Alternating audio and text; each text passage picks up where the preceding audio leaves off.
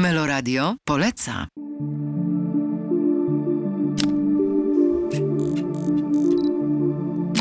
Tu podcast Galerii Fotogen.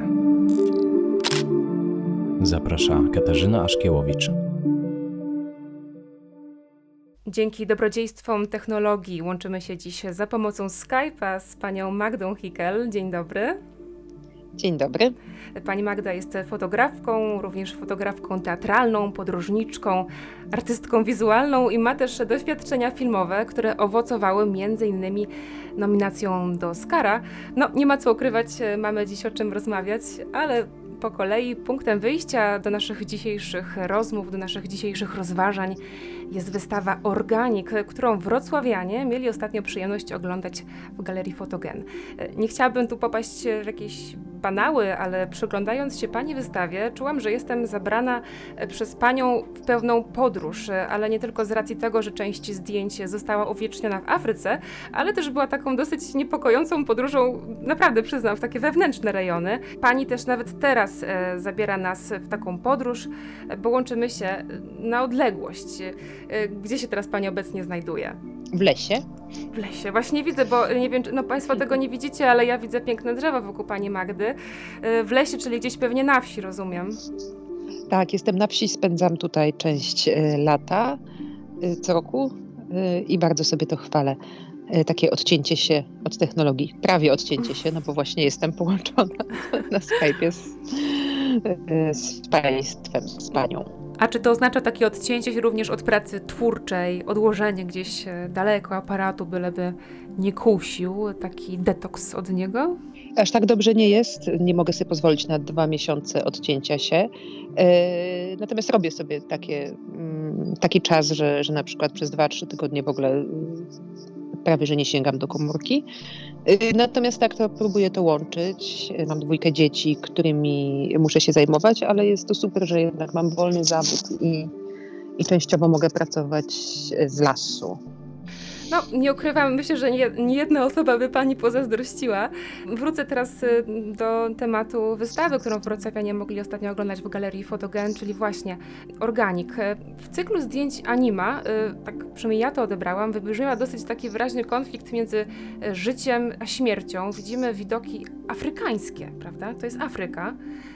Ale tak. odnoszę wrażenie, że w tych zdjęciach, tak jak pani patrzyła na Afrykę przez, przez obiektyw, bardziej interesuje panią rozkład niż witalizm czy też energia, którą może dać nam taka egzotyczna przyroda. Jak blisko prawdy są takie moje domniemywania? Ja zacznę od tego, że pierwsze co słyszałam to to słowo konflikt, którego ja w animie nie widzę. To jest raczej e, praca o procesie i o tym, że mm, to życie ze śmiercią się przenika trochę taki taniec Wisznu, Wisznu i Shiwy z zupełnie innej e, kultury zaczerpnę. E, I tak, I tak właśnie to odbieram. I też na tę śmierć patrzę trochę w taki sposób, że ona ostatecznie staje się przyczynem nowego życia. Mm, I na, na, na, niej, na niej rodzi się zupełnie coś nowego, że ona, żeby, żeby, żeby mogło narodzić się życie, musi, musi, musi, musi się zrobić jakaś przestrzeń i często to jest wynikiem śmierci.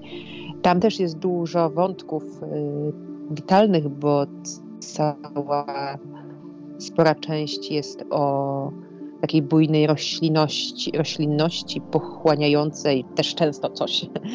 Ale, ale, ale właśnie, być może to jest też kwestia percepcji, ponieważ obrazy do obrazów y, obfitości i takich bardziej życiodajnych jesteśmy przyzwyczajeni, natomiast obrazy rozkładu są raczej wyjmowane poza naszą, y, usuwane są nam z, z, pola widzenia. W Afryce właśnie one są, w Afryce właśnie one są i można się z tym skonfrontować o wiele bardziej, bo tam mięso jest, chociażby, chociażby mięso, tak? Mięso jest mięsem. Tam leży głowa kozy bądź głowa wielbłąda, yy, która, której tam i po prostu nie mamy wątpliwości, że to jest krew, skóra, kości. U nas yy, te mięso często jest tak zapakowane, że wygląda jak jakaś różowa masa. Ja, ja nie jem mięsa, yy, ale yy, w jakiś sposób jest. Yy, przybiera taką formę, żeby, żeby, żebyśmy zapomnieli o tym, co to tak naprawdę jest. Dzięki temu być może też przez to raczej, nie dzięki temu, łatwiej nam jest też to życie w jakiś sposób marnować, bym powiedziała. Ja tutaj miałam dużo, dużo przemyśleń na ten temat, bo brałam udział w kilku obrzędach, gdzie ofiarowano zwierzęta bóstwom w ramach jakichś transakcji duchowych.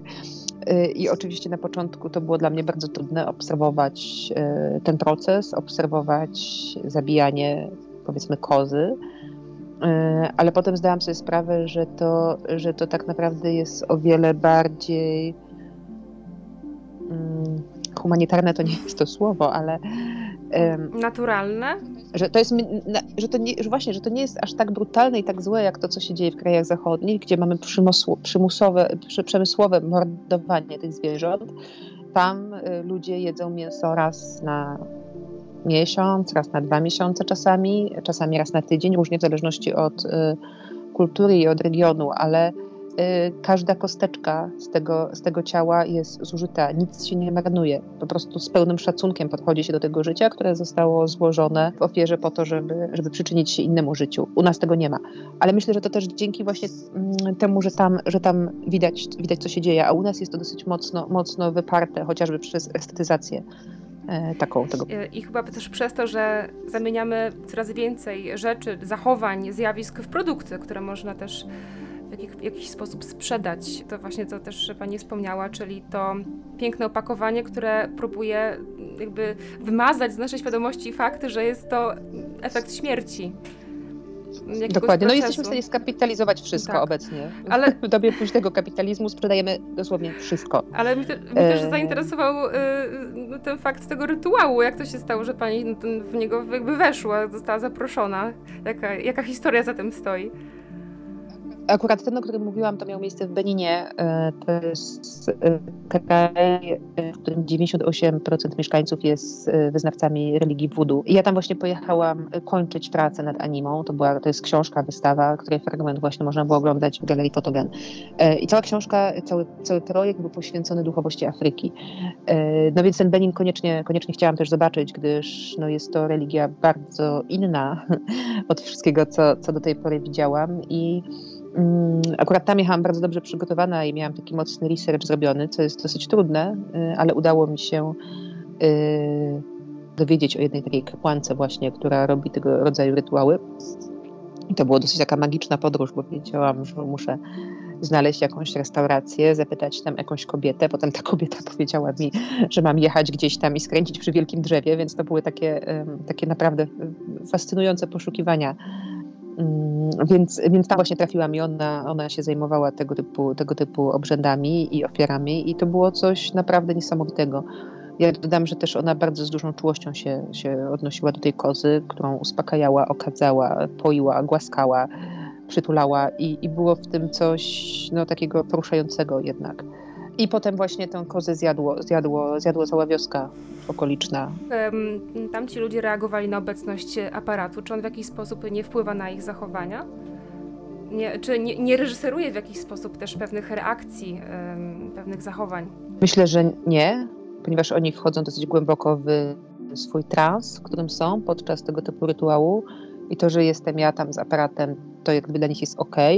Akurat w tej y, religii wudu jest tak, że bez zapowiedzi nie można się pojawić i fotografować. Jakby to jest rodzaj transakcji y, z bóstwami według nich i jeżeli ja mam zgodę prowadzących, to mogę brać udział z aparatem. To jest też kwestia mojego doświadczenia, bo ja wiele lat pracowałam nad animą i mm, no też y, po prostu wiem, że najpierw muszę zbudować pewien rodzaj zaufania, oczywiście dosyć prowizorycznego, ale jednak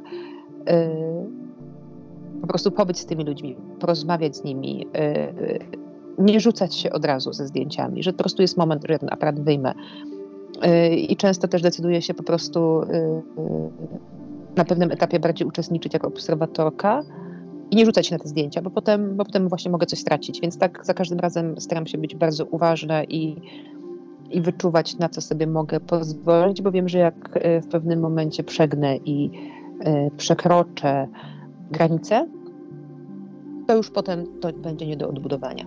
A czy możemy w takiej sytuacji, bo jednak obserwujemy ludzi, którzy są niezwykle zaangażowani w duchowo w pewien y, rytuał, absolutnie się my sami od niego odciąć, czy też może miała Pani w tym procesie pracy nad animą też taki może odruch, żeby duchowo się również zaangażować w te rytuały i w to wszystko, co się obserwowało, bo ja przyznam, że chyba trudno też tak absolutnie na przykład włączyć emocje, czy, czy jakąś empatię wobec tego, co się dzieje wokół nas. Empatii nie mhm. wyłączam na pewno, y, uważności nie wyłączam. Był moment, że wchodziłam w to emocjonalnie, pozwalałam sobie wróżyć i mm, wystawiałam jak gdyby siebie, ale przestałam. Stwierdziłam, że nie chcę, nie chcę igrać z tym, albo nie chcę igrać z własną psychiką, która też może spłatać figle, raczej o tym myślę w ten sposób, e, bo odbieram to e, też jako takie procesy właśnie mm, własne, silne, e, którym jesteśmy poddani, że po prostu nasz umysł bardzo mocno kreuje rzeczywistość i, i po prostu nie chce się na to narażać. Wolę, wolę, wolę być bardziej ze zewnątrz i się tak w jakiś sposób dystansować. Natomiast jest to, jest to, jest to fascynujące po prostu, co tam się dzieje. I, i uwielbiam na to patrzeć, uwielbiam e, e, widzieć ludzi, którzy, którzy są poddawani tym rytuałom, bo, bo to jest naprawdę rodzaj jakiejś takiej magii. A jak ci ludzie na Panią reagowali? Czy y, chętnie na przykład dzielili się swoją wiedzą, y, czy informacjami o swojej kulturze, codziennym życiu, czy raczej było, był to rodzaj jakiejś rezerwy?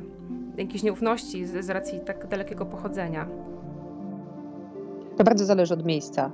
Ja, y, od miejsca i od jakichś takich warunków, które panują. Właśnie gdy byłam w Beninie, to wydarzyło się coś niesamowitego, bo my trafialiśmy na różnego rodzaju obrzędy i rytuały no niemalże dwa razy dziennie. To było coś takiego, że ten Benin się przed nami otworzył i ja wiem, że to nie jest standard. Nam się po prostu wydarzały magiczne po prostu rzeczy. E, ja zawsze jadę dobrze przygotowana, dużo wiem o danej kulturze, więc też wiem o co pytać, wiem na co uważać. E, szczególnie właśnie w tym rejonie Afryki są takie, jest bardzo dużo tabu. I po prostu wchodząc w te tematy, trzeba je znać, żeby ich nie przekroczyć, bo to może być po prostu niebezpieczne, ale też może zamknąć drogę do dalszych poszukiwań, e, bo, bo się kogoś urazi najzwyczajniej na świecie. Mm, I, I ten Benin na przykład mi się zupełnie otworzył i ci ludzie się dzielili. Natomiast jakiś czas potem byłam na Pębie. To jest taka wyspa e, niedaleko Zanzibaru, e, która przez lata była zapleczem rolniczym takim Zanzibaru, ale była też zamknięta dla turystów do późnych lat 90. I to jest wyspa, która jest z gruntu rzeczy objęta ortodoksyjnym islamem, bardzo ortodoksyjnym. Z drugiej strony chyba 90% mieszkańców wtedy było jeszcze analfabetami, a pod tym wszystkim było wudu wschodnioafrykańskie. Więc to była naprawdę mieszanka wybuchowa i, i to było przeciwieństwo Beninu, który właśnie był taką maskaradą, takim festiwalowym wydaniem tego, a ta pęba była takim, y, mi się kojarzy z takimi jakimiś, y, ale to jest takimi średniowiecznymi, brudnymi, brudnymi, zabobonnymi rytuałami. To było niesamowite. I ta pęba była przed nami zamknięta. Myśmy bardzo długo dreptali w miejscu i nic. Gdzieś słyszeliśmy, że bębnią, ale nie dało się tam dotrzeć.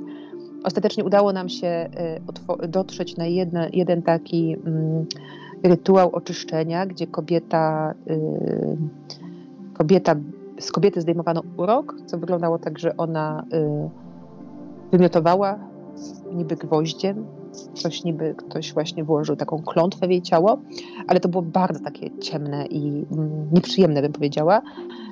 I co ciekawe, w ramach tej y, zamk zamknięcia przed nami y, mi aparat przestał działać. Dwa aparaty, które miałam ze sobą na tym. Zrobiłam kilka zdjęć na samym wstępie, a ja naprawdę no tam strasznie długo starałam się coś sfotografować i byłam naprawdę przygotowana. To nie jest mm tak, że, że, po prostu zapomniałam naładować baterii. w sumie. I, I, to jest bardzo podejrzane. Właśnie teraz czytam e, wspaniałą książkę e, o szamańskiej chorobie Hugo Badera. Znaczy zresztą wielokrotnie się spotykałam z tym i on też mówi, że to jest częste, że po prostu gdy są jakieś energie, to przestaje działać sprzęt elektroniczny.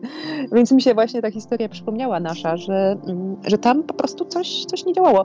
I to było bardzo dziwne, bo ta pęba, ja, ja, ja, Jezu, no to, to jest takie dziwne, co ja mówię, ale w jakiś sposób czułam, że ona nas nie chce, że tam, o ile w wielu miejscach te drzwi zawsze stały przede mną otworem, tam nagle poczułam, że nie, że już, że, że, że tam nie powinnam tego badać w jakiś sposób, że może właśnie przekraczam te tabu.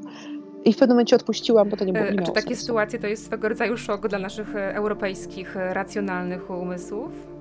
Bo przyznam, że no jest to coś, znaczy szokki, nie coś dziwnego, naprawdę. Trochę o, o, tym się nie wiem, czyta w bajkach, ogląda y, filmy, prawda? Nawet się czyta, ale jak się samemu doświadcza takich, mm, takich sytuacji granicznych, to też ch chyba dochodzi do weryfikacji tego, nie wiem, w co my wierzymy, co my wiemy, jak my postrzegamy świat. To jest, y, to jest coś takiego, że, że, że ja ciągle nie jestem w stanie odpowiedzieć na to, co tam się wydarzyło, bo być może to było tak, że ja byłam tak zdenerwowana tym, że w końcu mi się udało, że ja wszystko coś poknociłam. Też jest taka opcja, że to, że to się wydarzyło w mojej głowie, że to było moj, moje działanie. Ja tego w ogóle nie umiem ocenić. Mówię o fakcie, że zdjęcia jakieś tam nie powstały albo tylko powstały do pewnego momentu. E, I no i tyle. I to jest coś takiego, że to wszystko zawsze jest na granicy, bo zawsze jest pewna doza, że to może być przypadek, albo to może być interpretacja. I ja nie wiem w związku z tym, czy to się wydarza, czy to się nie wydarza. Więc z jednej strony zawsze jestem taka w szoku, że faktycznie coś dziwnego ma miejsce, a, a z drugiej strony ta racjonalna strona mnie mówi, no tak, ale to po prostu się stało, dla, no po prostu racjonalizuje, racjonalizuje pewnego rodzaju wydarzenia. E, I, I wydaje mi się, że bardzo dużo tutaj jest percepcji tego typu wydarzeń, e, to jest to, co jest w naszej głowie, to jak my rozumiemy świat, to jakim my językiem o świecie mówimy. Bo można mówić językiem magicznym, a można mówić językiem e, naukowym, psychologicznym, prawda? I, i to chyba po prostu tak naprawdę zależy od tego, w jakim świecie my funkcjonujemy.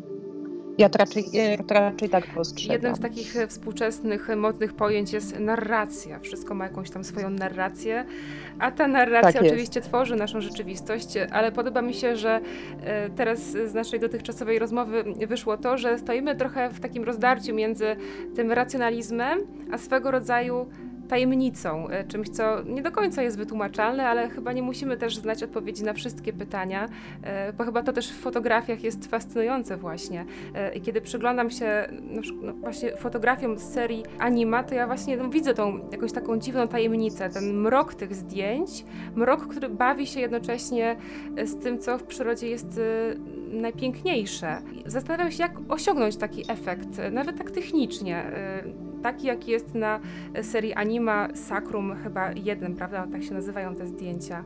Jak one powstawały? To są zdjęcia na kliszy. Chciałam, chciałam e, na kliszy, bo jest to jednak coś w tym bardzo romantycznego. Tak naprawdę dzisiejsza ta technologia jest taka, że, że pewnie naprawdę tylko bardzo wyrafinowany i doświadczony widz, tudzież widzka byliby w stanie odróżnić, jak to było zrobione, Natomiast y, mi osobiście na tym zależało i ja też pracuję w jeżeli chodzi o, o, taką fotografię, lubię mieć pewien rodzaj większego wyciszenia i, i, skupienia, bo, no bo na cyfrze mogę zrobić 150 zdjęć jednego obiektu, a na kliszy jednak po prostu mniej.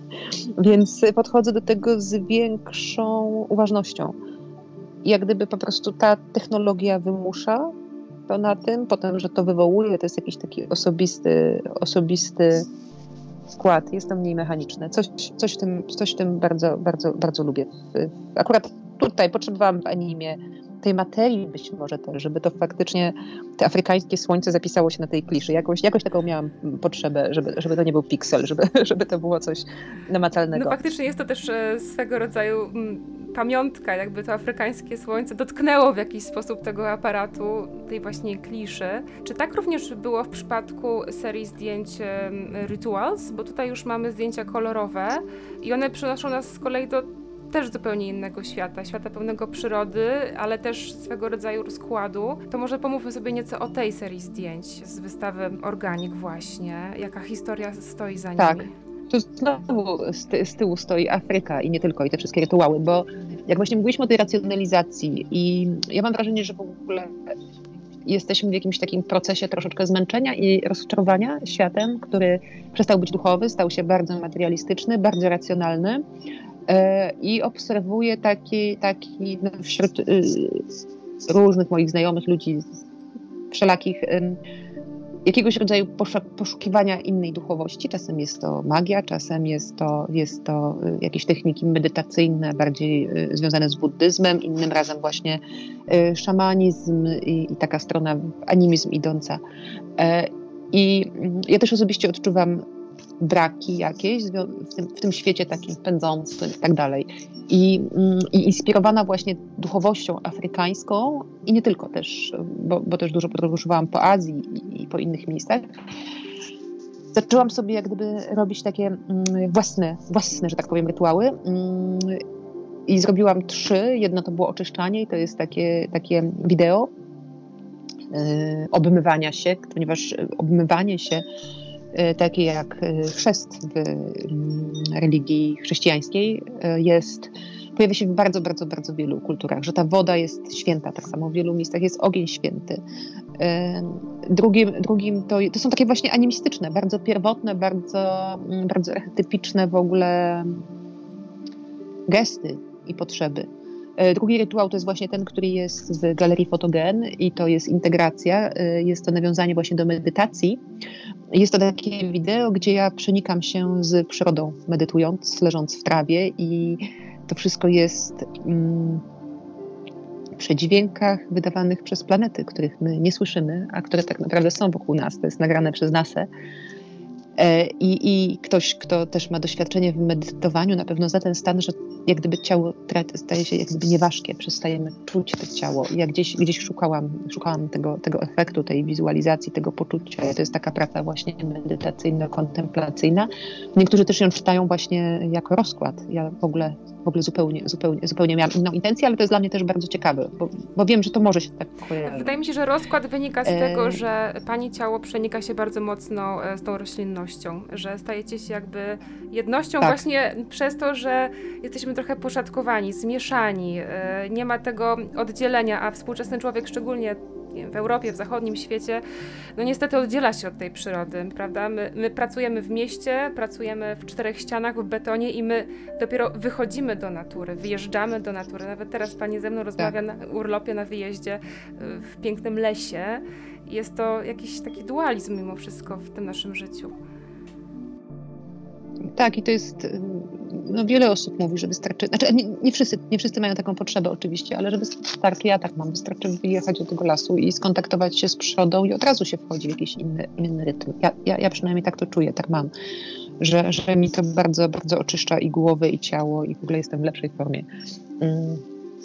Także tak, i jeszcze mam trzeci rytuał, który zrobiłam, który polegał e, też mm, w wielu, w wielu kulturach pojawia się jak gdyby taki nowy odrodzenia, odrodzenia y, obrząd, który polega na zakopaniu się. Gdyby przy życiu własnej śmierci. Ja właśnie też, też y, nawiązałam do tego, zakopując się pod kupą kamieni, chwilę leżąc i, i próbując się wydostać. E, I to było niesamowite. Bardzo to było ciekawe przeżycie. E, to jest seria fotografii i pamiętam, że to było magiczne. Tak potrzebowałam na nowo się narodzić po jakichś różnych swoich doświadczeniach, tak symbolicznie wejść w jakiś nowy etap. I to było bardzo magiczne, bo ja wstałam z tego takiego niby grobu i pamiętam, że wyszło słońce nagle za chmur i stanęłam tak w momencie, gdy stanęłam, potem e, stanęłam tak w pełnym świetle. No i właśnie to są takie miłe, miłe rzeczy, które się wydarzają. A, a czy ktoś pomógł się Pani zakopać faktycznie? Czy to był absolutnie od początku do końca taki samodzielny proces? E, pomogły mi zakopać się Agnieszka Rajs i Marta Szymańska, które serdecznie pozdrawiam i były bardzo czułe w tym zakopywaniu, były bardziej przejęte niż ja, mam wrażenie, e, bo, bo, to, bo dla nich to chyba też było trudne. No tak, bo jednak e, jeżeli kogoś zakupujemy, to w naszej kulturze ma to konotacje kryminalne, prawda? A tutaj musimy przełamać, przełamać absolutnie wszystkie Tudzież skojarzenia. Mocno, tak, graba, grabarskie. Kryminalne albo grabarskie. grabarskie. No właśnie, ale rzeczywiście może nas to postawić w nieco e, niezręcznej sytuacji, ale faktycznie no, wchodzimy w zupełnie nowe konwencje. E, ja rozumiem, że jest to zdjęcie, to, to jest to zdjęcie pośród takich jasnych kamieni, takich szarych, na takiej pustyni, tak? tak. A w jakim to jest dokładnie tak. miejscu? Gdzie, tak, to, gdzie to się znajdowało? Kazimierzu. Kazimierzu. Dolnym. Och, pięknie. Tak. Tam są takie kamieniołomy i tak. tak. Nie, nie, jest to, nie jest to Sahara, ani Afryka, ani żadne takie, ale też romantyczne jasne, miejsce. Jak, jak, też, tak, jak najbardziej romantyczne. Um, a czy obecna fotografia, współczesna, Pani zdaniem jest, czy bywa romantyczna, czy, czy mamy takie etapy, etapy już za sobą? Oczywiście, że bywa romantyczne i ja mam wrażenie, że jest bardzo duży zwrot ku tej romantyczności, że ja widzę dużo prac, które właśnie zwracają się y, i ku y, ludowości, która jest mi bardzo, bardzo bliska. Y, sama też po to ostatnio sięgnęłam w projekcie muzycznym, co prawda, ale, ale to jest dla mnie bardzo ciekawe i też właśnie ku naturze i ku tej duchowości. Także mi się wydaje, że, że ten romantyzm się przewija też w malarstwie, to widać. Pojawia się bardzo dużo jakichś takich um, zjawisk nadprzyrodzonych, no, w wszelkich rodzajach sztuki. Tak, tak, tak, tak. Wydaje mi się, że że, że, że mamy jakiś taki neo, neo, neo, neo. Pani nazwisko i nazwisko pani męża poznał w sumie cały świat e, w 2015 roku, zdaje się jeżeli dobrze liczę. Tak. Chyba tak. Chyba to był Oscary ten 2015, tak. film Nasza klątwa. Film, który niezwykle silnie dotyka najbardziej newralgicznej części waszego życia, czyli waszego synka e, i jego choroby. Choroby klątwy Ondyny. Co się zmieniło od czasu premiery w pani, w pani życiu? Bo wydaje mi się, hmm. że to jest, że był jakiś taki moment przełomowy, gdy w tym filmie także o tej chorobie opowiedzieliście, gdzie też zachęciliście innych do tego, żeby w jakiś sposób mm, jednoczyć się, wspierać się nawzajem. Ten film faktycznie on był przełomowy, mam wrażenie, dla naszej społeczności, ludzi związanych z klątwą Ondyny, gdyż wtedy rozpoczęliśmy takie kolektywne y, zbiórki pieniędzy na badania nad lekiem. Y, I, I ostatnio to bardzo znowu jakoś tak wybrzmiewa, dużo się dzieje i jest szansa, że za 8 lat nawet na rynku pojawi się lek na y, klątwę Ondyny. Gdy Leo się urodził, to była choroba, no ja usłyszałam komunikat, że nie ma szans, że nigdy, bo to jest choroba ultra rzadka, a w ultra rzadkie choroby nikt nie inwestuje. To jest, to jest wielki problem właśnie a propos znowu tego świata, który myśli tylko w zasadzie o pieniądzu, o zarobku.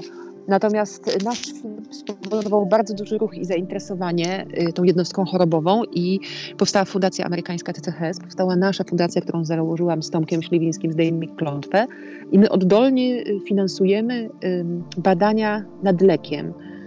Y, jak również no, działamy na rzecz szerzenia informacji o klątwie Ondyny. To jest też bardzo, bardzo istotne. No i jednoczenia się rodzin, wymiany, wymiany tych informacji.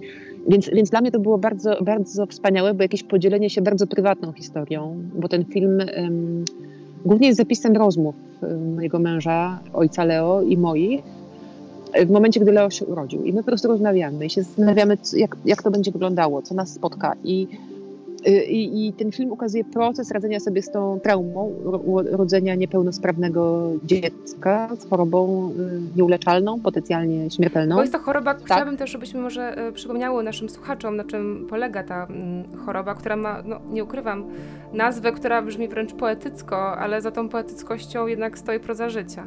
Tak, to jest klątwa Ondyny, to jest właśnie potencjalnie śmiertelna, bardzo rzadka, uwarunkowana genetycznie choroba, która polega na tym, że chorzy zazwyczaj w czasie snu tylko, ale, często, ale też niektórzy nie, przestają oddychać całkowicie. Czyli za każdym razem, gdy zasypiają, spłycają oddech do tego stopnia, że go wyłączają całkowicie. Więc jeżeli nie zostaną podłączeni do specjalistycznej aparatury, y, po prostu nie przeżyją. E, I to się wiąże oczywiście na wstępie z tracheotomią, z respiratorem, z pulsoksymetrem. Teraz akurat jesteśmy w takim momencie, że cały świat wie, co to jest pulsoksymetr i respirator dzięki COVID-owi. Natomiast y, wcale tak nie było jakiś czas temu. I tak jak mówię, 1200 chorych na świecie, bardzo nikła wiedza tak naprawdę na ten temat. 11 lat temu to, to, to była tragedia. Myśmy usłyszeli, że w ogóle Leo nie wyjdzie dalej niż na balkon i dużo bardzo takich brutalnych y, rzeczy nam zakomunikowano, co w efekcie też naszej walki takiej naprawdę zaciętej o jego normalność okazało się zupełnie nieprawdą, bo Leo jest chłopakiem, który chodzi do szkoły w tej chwili i śpi w namiocie z nami, podłączony do swoich maszyn różnych, ale znaczy dzieli go od normalności prawie i to jest duże prawie, no bo po prostu no, musimy nad nim czuwać każdej, każdej nocy, ale, ale dobrze funkcjonuje w tym wszystkim i dobrze się intelektualnie rozwija, co jest dla nas mega ważne. Yy, tak, i właśnie, i właśnie ten, yy, a sama nazwa Klątwa Ondyny pochodzi z mitologii nordyckiej, słowiańskiej też, bo mamy na przykład odpowiednik Ondyny w osobie Świetezianki. E, I historia jest taka, że e, ta nimfa Ondyna, nimfa wodna, zakochała się w śmiertelniku E, I zakochała się w nim tak bardzo, że postanowiła zrezygnować ze swojej nieśmiertelności po to, żeby z nim być. mała syrenka Andersena mm, również. To jest dokładnie tak, bo to, bo to się przewija w bardzo wielu kulturach. To jest jakiś rodzaj archetypu.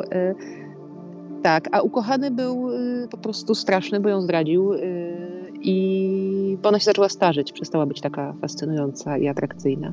I wtedy ona na niego rzuciła klątwę, że żeby oddychać, musi o tym pamiętać. No i on zasnął i, i umarł.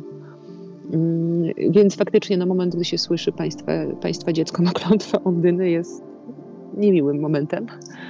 E, natomiast no my, my, postanowiliśmy w jakiś sposób to przetworzyć, te ciężkie doświadczenie. Stwierdziliśmy, że to jest jakiś taki rodzaj, um, nie chcę powiedzieć testu, ale um, ja dużo pracowałam z autoportretem na przykład i stwierdziłam, że jeżeli teraz nie skonfrontuję się z czymś tak dużym, y, co przyniosło mi życie poprzez sztukę, to, y, no to jak gdyby zakwestionuję w ogóle całą swoją dotychczasową twórczość. I, I tak też postanowiliśmy po prostu się zmierzyć, przetworzyć ten temat i, i zrobić z niego coś, coś, co może po prostu pomóc i nam, ale pomóc też innym. I tak się stało, bo, bo właśnie, bo, no bo realnie to zmieniło, przyspieszyło, y, ten film przyspieszył proces szukania leku, ale również pomógł bardzo, bardzo wielu osobom w diagnozie, bo ludzie nie wiedzieli o tej chorobie często. Na przykład ich dzieci nie oddychały, oni nie wiedzieli czemu. Y, I co dla nas jest też absolutnie magiczne, że pierwsze dziecko w Afryce zdiagnozowane w RPA zostało dzięki naszemu filmowi, bo lekarze nie wiedzieli, co to jest. Y, dziecko dostało respirator, y, a rodzice poszukiwaniu trafili na nasz film i, i potem się to potwierdziło.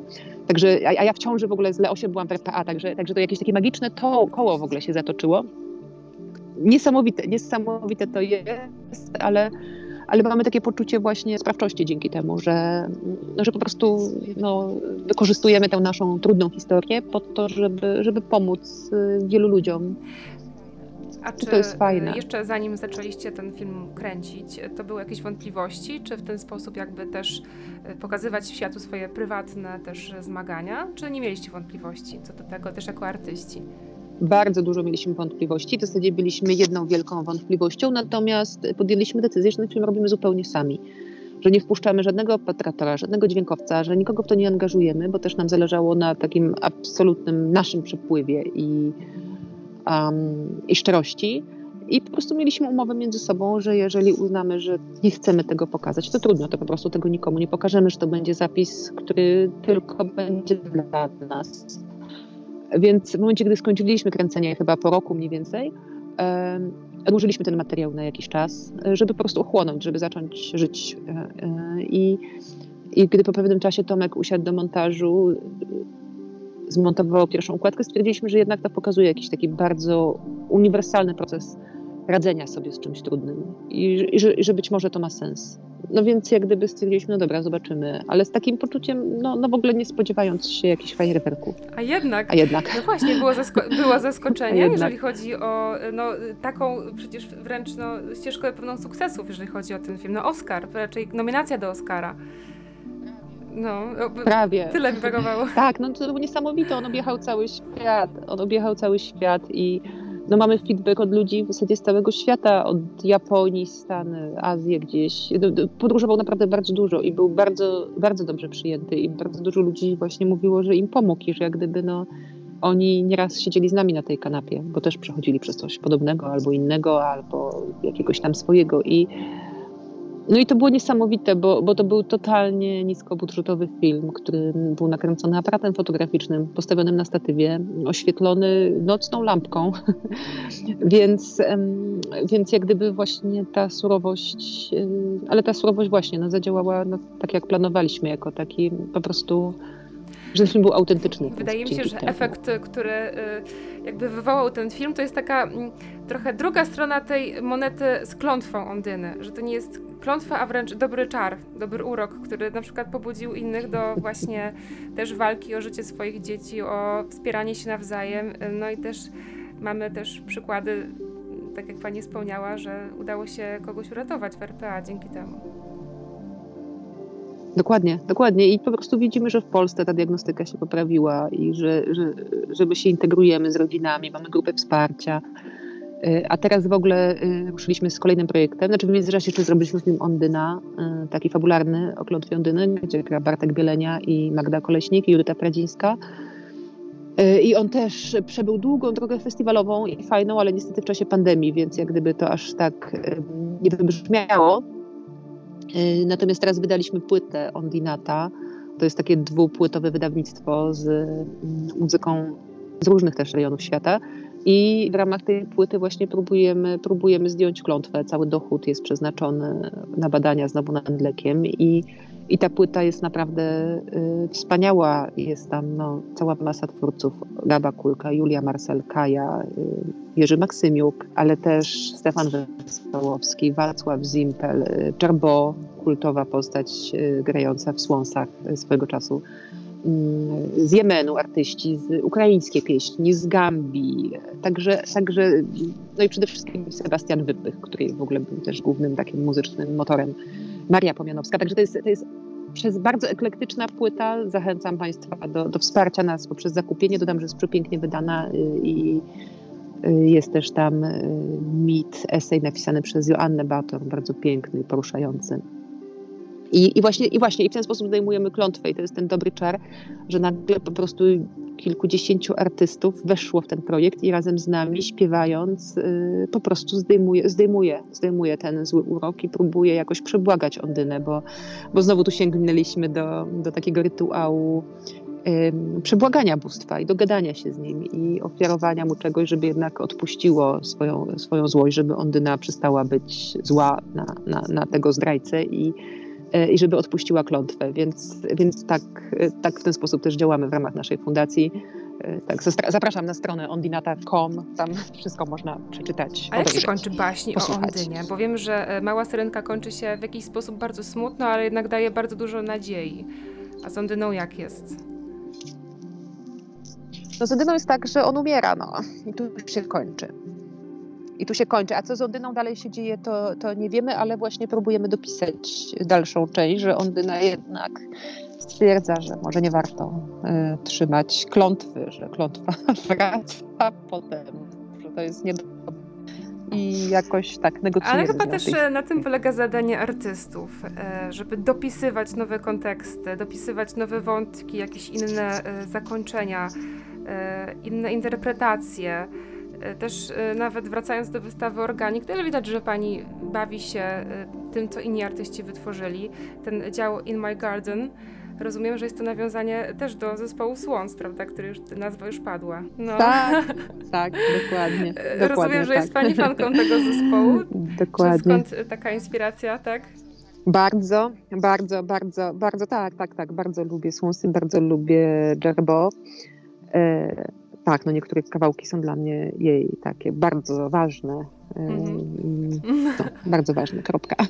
A tak, a ta, a ta praca, a ta praca też korzysta w ogóle z um, dzieł innych no artystów, o tyle, że jest to kolaż e, i posługiwałam się tu starymi księgami, które też próbują właśnie w racjonalny sposób opisać ten świat.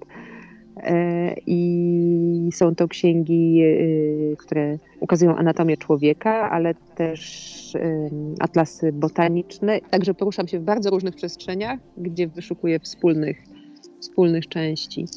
U mnie i u Pani jeszcze, jeszcze nie zmierzcha. No właśnie. Więc może warto teraz jeszcze pokorzystać z tej pogody, wybrać się na jakiś spacer. E, bardzo Pani dziękuję za rozmowę w tych okolicznościach przyrody. Naprawdę wybrałam się w podróż podwójną i myślę, że nasi słuchacze również. To co, dobrego wieczoru. Dziękuję Do również. zobaczenia, do usłyszenia. Dobrego wieczoru, do zobaczenia.